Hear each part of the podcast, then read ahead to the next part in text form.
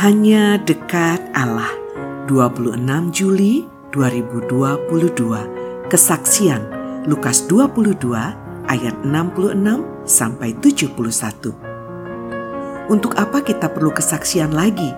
Kita telah mendengarnya dari mulutnya sendiri. Demikianlah kesimpulan Mahkamah Agama. Kesimpulan aneh sebenarnya.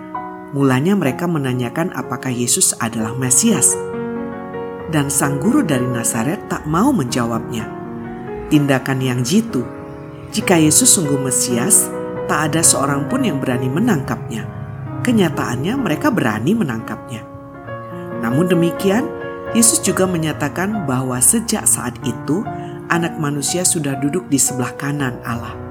Atas pertanyaan itu, mereka mendesaknya dengan tanya, "Kalau begitu, engkau ini anak Allah?" Yesus pun menjawab, kamu sendiri mengatakan bahwa akulah dia. Sebenarnya sang guru tidak menjawab pertanyaan mereka, ya atau tidak. Yesus hanya menyatakan bahwa mereka sendiri yang mengatakan hal itu. Dan pernyataan Yesus itu dianggap pengakuan bahwa ia memang anak Allah.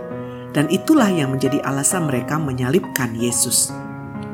Tampak jelas di sini bahwa tujuan menghalalkan cara Tujuan mereka ya cuma satu, kematian Yesus. Dan semua upaya ditempuh agar dia mati.